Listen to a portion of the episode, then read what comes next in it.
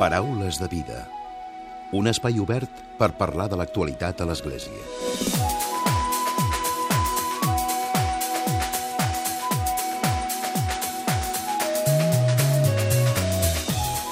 Què tal? Salutacions i molt bon dia, molt bon diumenge i molt bon any. Iniciem el 2017 reflexionant entorn a un drama que, malauradament, no s'ha acabat, no s'ha aturat, el dels refugiats. L'ONG Proactiva Open Arms continua denunciant l'arribada de persones a Lesbos, persones que busquen un futur millor, que fugen de la misèria i de la violència, però que es troben amb un mur amb la intolerància i que acaben, en el millor dels casos, detinguts i retornats. Avui volem reflexionar sobre el paper que hi ha jugat en tota aquesta qüestió la Unió Europea, però també el govern espanyol i la resta de governs, i com no, també de la implicació i de l'activació solidària dels ciutadans. Ho farem en conversa amb un jove periodista, amb en Pablo Muñoz. Ell és gadità, tot i que desenvolupa la seva tasca professional a Màlaga. A finals de setembre va realitzar un viatge a les illes gregues de Lesbos i Quios, on va poder comprovar tot aquest drama. Ell ha narrat en diferents mitjans de comunicació les diferents formes amb què els europeus rebem els refugiats. De seguida els saludem.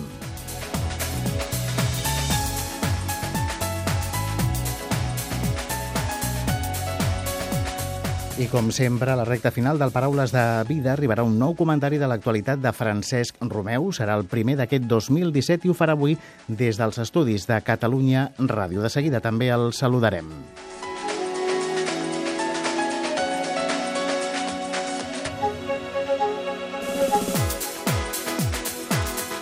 Pablo, buen día, buenos días. Buen día, Emily, ¿qué tal? Buenos días. Eh, ¿Por qué decides hacer este viaje a, a, las islas griegas? Pues por la, por la incesante cantidad de imágenes apoyantes que nos van llegando a los informativos, que los que trabajo en Málaga, y de verlo en, la pantalla veo la, necesidad, la inquietud de, dar el salto, cogerme el avión y, plantarme en esa frontera turco-helena donde ONG, como bien has dicho, Proactiva Open Arms, eh, están allí desarrollando una labor que realmente tendría que estar desarrollando la, la institución o al menos respaldando. Entonces ese caos quería verlo de primera mano, los campos de refugiados, la, las condiciones en las que viven, en las que son acogidos y, y quería ir para, para verlo, no que me lo contaran, sino yo verlo. Uh -huh. y, y ese fue el motivo por el que me llevó a ir. Y lo primero que, que te sorprende cuando llegas allí, cuando empiezas la ruta, ¿qué es? Bueno, eh, en Chios, eh, que fue una de, la, de las islas en las que, en la que estuve, fue mayor, la mayor parte del tiempo estuve allí, la cantidad de militares, la cantidad de militares que, que había, nada más llegar, estuve, voy a decir que estuve desayunando rodeado de, de militares.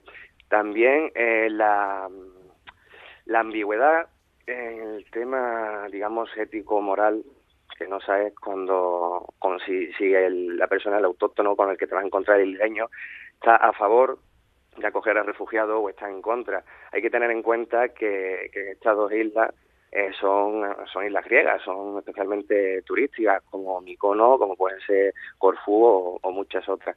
Entonces, claro, mmm, conectan, va aumentando el, ese podríamos decir, fascismo, en el que, bueno, pues piensan que al llegar refugiados el turismo se espanta o se les van a quitar el trabajo o... Entonces me, me estuvieron contando activistas y eso que están allí trabajando en la zona, pues situaciones en las que, bueno, pues no siempre eran bien recibidos tanto los activistas como, como los refugiados. Ese tipo de cosas, hombre, dan que pensar porque parece que la historia se repite. Uh -huh. Durante los días que estuviste y a través de diferentes medios de comunicación ibas narrando el, el día a día y, y, de hecho también las horas, ¿no? Por dónde ibas pasando y cómo te, qué es lo que veías y cómo te acogía la gente. Correcto, sí. Eh, de hecho, en una de, de, las crónicas que escribí desde allí mismo, desde Chíos, explico como uno de los primeros días eh, por la, bueno, de, aparte de mi labor como escritor, como periodista en prensa escrita, también eh, empecé a desarrollar mi labor como fotoperiodista. Eh, este, este hecho me, me llevó a estar retenido durante prácticamente una hora por dos agentes de la autoridad portuaria por el simple motivo de, bueno, de hacer una foto a, una lancha militar que me llamó la atención porque tenía la, la bandera francesa y no sé, quise conectar en esa foto eh, a Francia con Grecia y de fondo a las costas de Anatolia, las costas turcas de Anatolia.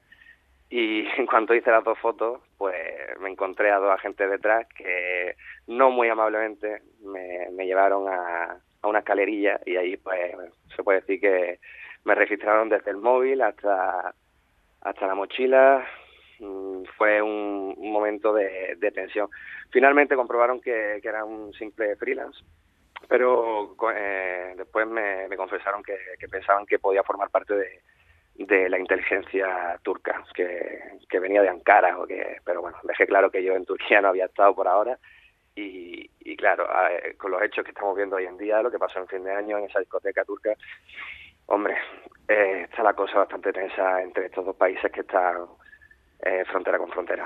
¿Tensión que no miedo? ¿Pasaste miedo en ese momento? Miedo al principio por porque no me lo esperaba. No me esperaba esa, esa reacción. Hace, ya parece que, que desconfían incluso del, propio europeo, desconfían de todo. Y más cuando eh, desde el golpe de Estado en Turquía, pues yo creo que también se ha empezado a tensar un poco más la cuerda y la relación entre Europa y Turquía yo creo que está ahora mismo en una situación que, que no sabemos no sabemos cómo va a salir. Hoy hemos conocido la noticia de que se va a alargar el, toque de queda, digamos, en, en Turquía y no sabemos qué, a, qué, conllevará eso, porque es verdad que está Turquía funcionando ahí como barrera para que los refugiados no vengan en masa, digamos, como dicen, hasta, hasta Europa, pero tampoco sabemos en qué condiciones lo están tratando allí. No sabemos quién es en este caso nuestro cómplice. Después del, del, viaje, Pablo, mm, lo decías, ¿no? Por tu trabajo en, en, la televisión veías las imágenes y veías todo lo que nos, la información que nos llega de allí. Una vez has estado allí, una vez has vuelto, ¿qué conclusión sacas? ¿Lo que nos explican realmente es lo que pasa, es peor, es mejor? ¿Cómo, cómo es? Bueno, yo creo que los medios de comunicación tenemos parte, gran parte de culpa en el tema de la banalización. Tenemos que, recordar que España, el gobierno de España se comprometió a acoger a casi 18.000 personas, no llegamos ni a 900, es decir, el 5% el plan de, acogida adoptado por, por el Ejecutivo, por el Gobierno, hace año y medio ha empezado, pero de manera, ¿cómo te diría?, muy paulatinamente. Hace una semana llegó eh, ya un grupo de 198 personas desde Grecia y desde los campos de, refugiados, de, pues, en los campos de refugiados los que estuve, por ejemplo, en Moria, en Lesbos, o en el Souda Camp de, de Chío. es el grupo más numeroso que ha llegado hasta ahora a España y en total son tenemos acogido a unas 900, 898 personas, de las cuales hemos reubicado a unas 600. Eh, y esto en los medios de comunicación, o sea, ese 5% que solo hemos acogido, eso no se resalta, eso no, no es algo que abra los informativos.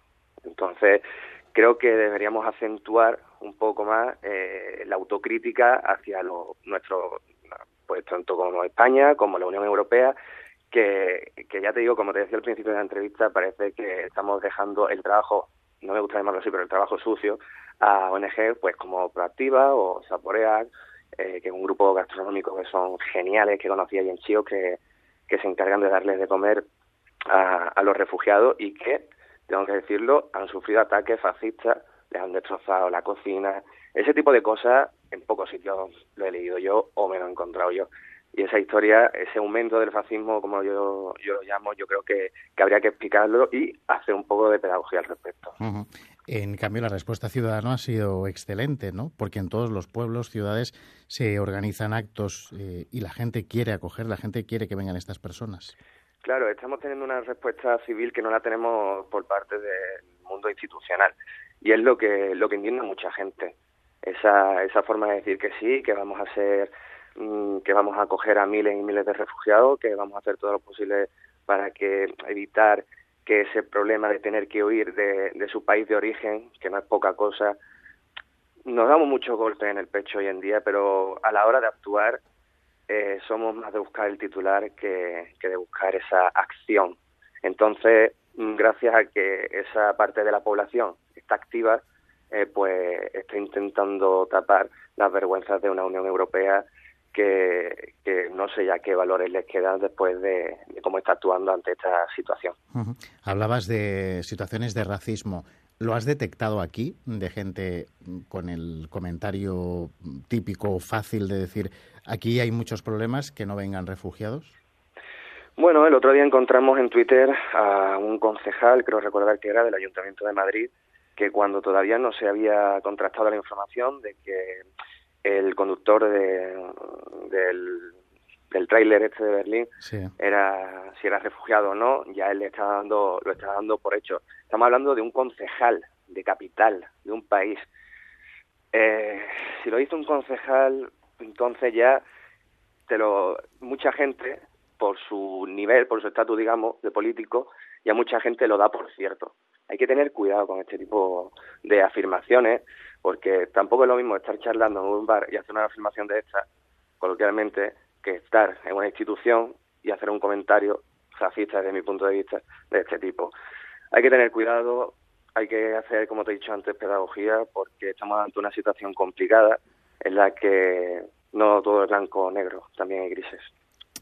¿Tienes previsto volver, Pablo? Pues mi idea es, eh, porque estoy todavía liado con los informativos, entonces no sé si para, para verano, a ver si puedo embarcarme con, con Proactiva de nuevo, pero ya no, no Lesbo, sino por la frente a Libia, salir de, desde Lampedusa, desde Malta, y embarcarme por, por esa zona porque también me interesa eh, conocer a ese tipo de refugiados.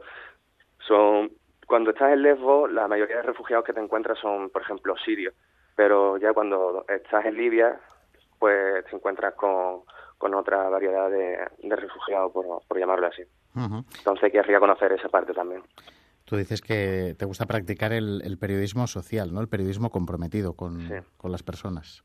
El incómodo, podríamos llamarlo. Y quieres continuar haciéndolo así, ¿verdad?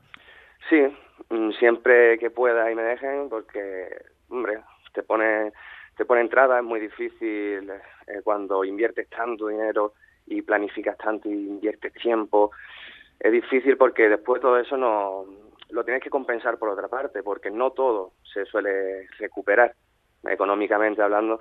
Entonces, tienes que intentar combinar esas semanas fuera, conviviendo con esa tensión, con el no saber qué te vas a encontrar, con otro trabajo, otros trabajos aquí en territorio español y intentar equilibrar la balanza para poder seguir contando historias de este tipo a la vez que, bueno, pues no estás en bancarrota, por llamarlo así. Claro.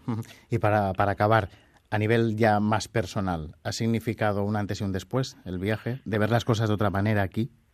Sí, cuando esa, esa es la pregunta que, que más me han hecho de, bueno, y tal, y cómo vas a pasar, y tú crees que, bueno, a ver, yo mm, en algún momento lo pasé mal, ahora volvería sin pensarlo. Creo que hay que seguir contando esa historia, creo que hay que seguir concienciando a la gente porque no es algo con lo que se pueda banalizar. Estamos hablando de que estamos ante el mayor movimiento migratorio desde la Segunda Guerra Mundial. Entonces, es un tema que históricamente incluso esto el día de mañana se estudiará o se tendrá que estudiar.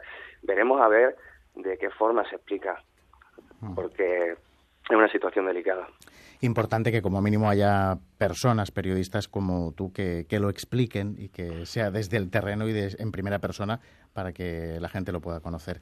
Pablo, gracias y mucha suerte. Gracias, gracias a ti, Emilio. Un abrazo. Paraules de vida. Un espai obert per parlar de l'actualitat a l'Església.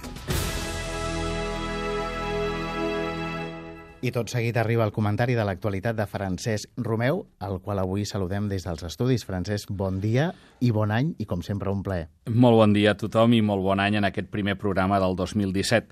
Si vam començat un any nou i estem carregats tots de bons desitjos i podríem fer avui moltes bones programacions de cara a l'any que ens espera per endavant, també podríem fer avui un resum de l'any que hem deixat enrere, del 2016, carregat de notícies tristes i desencoratjadores, com poden ser la de la cruenta guerra a Síria i la dels desplaçats i refugiats que ha generat, com parlava mare. Però no m'agradaria començar sense deixar passar tres textos molt recents del papa Francesc. El primer va ser el text que va llegir el papa Francesc el passat dijous 22 de desembre, en l'acte ja habitual de felicitació del Nadal del papa a tot el personal que treballa en la Cúria Vaticana. I un any més el papa es va referir a les dificultats que li posa la Cúria al seu procés de reforma. Francesc va considerar normal i fins i tot saludable que sorgeixin dificultats en un procés de reforma. Va esmentar tres tipus de resistències. Unes obertes, que neixen de la bona voluntat i del diàleg sincer. Altres amagades, que neixen dels cors atemorits i petrificats, que s'alimenten de les paraules buides dels gatopardisme espiritual. I les darreres, resistències malèvoles, que germinen en ments distorsionades i es presenten quan el dimoni inspira intencions dolentes. Aquest últim tipus de resistència s'amaga darrere de les paraules justificadores i en tants casos acusatòries refugiant-se en les tradicions, en les aparences, a les formalitats, en el conegut o potser en el voler-ho portar al pla personal sense distingir entre l'acte lector i l'acció, va contemplar. Jo crec que ja es va veient que el papa Francesc és molt conscient de les dificultats que té en l'exercici del seu ministeri, de les persones que li posen dificultats i d'on estan situades aquestes persones. A diferència d'altres papes que tenien dificultats molt més llunyanes, com el papa Sant Joan Pau II, que va haver de lluitar contra els problemes doctrinals de la teologia, com la teologia de l'alliberament que li queia lluny a Amèrica Llatina, Ara el papa Francesc té les dificultats pràctiques, no, no doctrinals, al costat de casa mateix. I crec que no l'hem d'advertir nosaltres mateixos, sinó que ell ens dona prou mostres de que n'està prou assabentat. El segon text del papa que vull recordar avui és el de la carta que va enviar el papa Francesc el dia dels Sants Innocents, el dimecres 28 de desembre, a tots els bisbes del món. És un text que, tot recordant els infants que van morir injustament per la decisió cruel i arbitrària del rei Herodes amb la voluntat de procurar la mort de Jesús, va servir el papa per recordar les injustícies que encara avui en dia es cometen contra els infants. Per això el papa va aprofitar aquesta ocasió per demanar novament perdó a tothom, però especialment a les víctimes dels abusos d'eclesiàstics produïts a infants menors i indefensos. El papa va recordar als bisbes que davant d'aquests casos s'ha d'actuar amb una tolerància zero i amb una total contundència per defensar els infants indefensos i no pas per protegir els pederastes. El tercer text és el del papa en el seu ja habitual missatge amb motiu de la Jornada Mundial de la Pau, que se celebra sempre el dia de cap d'any, l'1 de gener. El diumenge passat, doncs, era la cinquantena vegada que se celebrava aquesta jornada, que es va convocar per primer cop pel papa Pau VI l'any 1968. Aquesta vegada el papa francès feia una crida molt ben argumentada per fomentar la cultura de la no violència entre els cristians i denunciar també el tràfic d'armes com un dels factors més negatius contra la pau mundial.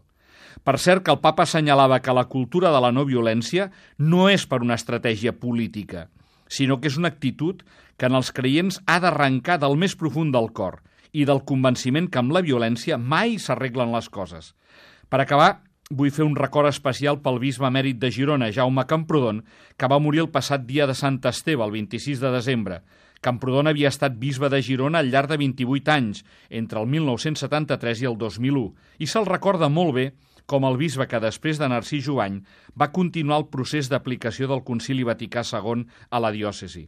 El comiat es va celebrar el dijous 29 de desembre a la Catedral de Girona sense el seu fèretre, atès que per un acte de generositat a la medicina, que l'havia fet viure fins als 90 anys, ell havia cedit, per la investigació, el seu cos a la ciència.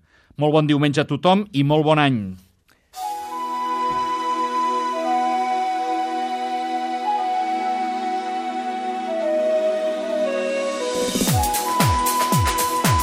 Doncs amb el comentari de l'actualitat de Francesc Romeu posem punt i final a aquest primer Paraules de Vida del 2017. En Josep Maria Marçà ha estat el control tècnic i qui us ha parlat, l'Emili Pacheco. Que passeu bon diumenge i una molt bona setmana. Adéu-siau. Us oferim la carta dominical de l'arcabisbe de Barcelona, Joan Josep Omella.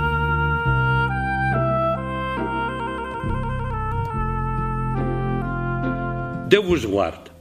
Un informe presentat recentment per Càritas Diocesana de Barcelona insistia en la idea que les famílies ateses cada vegada són més pobres i han de recórrer durant més temps a la distribució d'aliments en espècie o d'assistir als menjadors socials.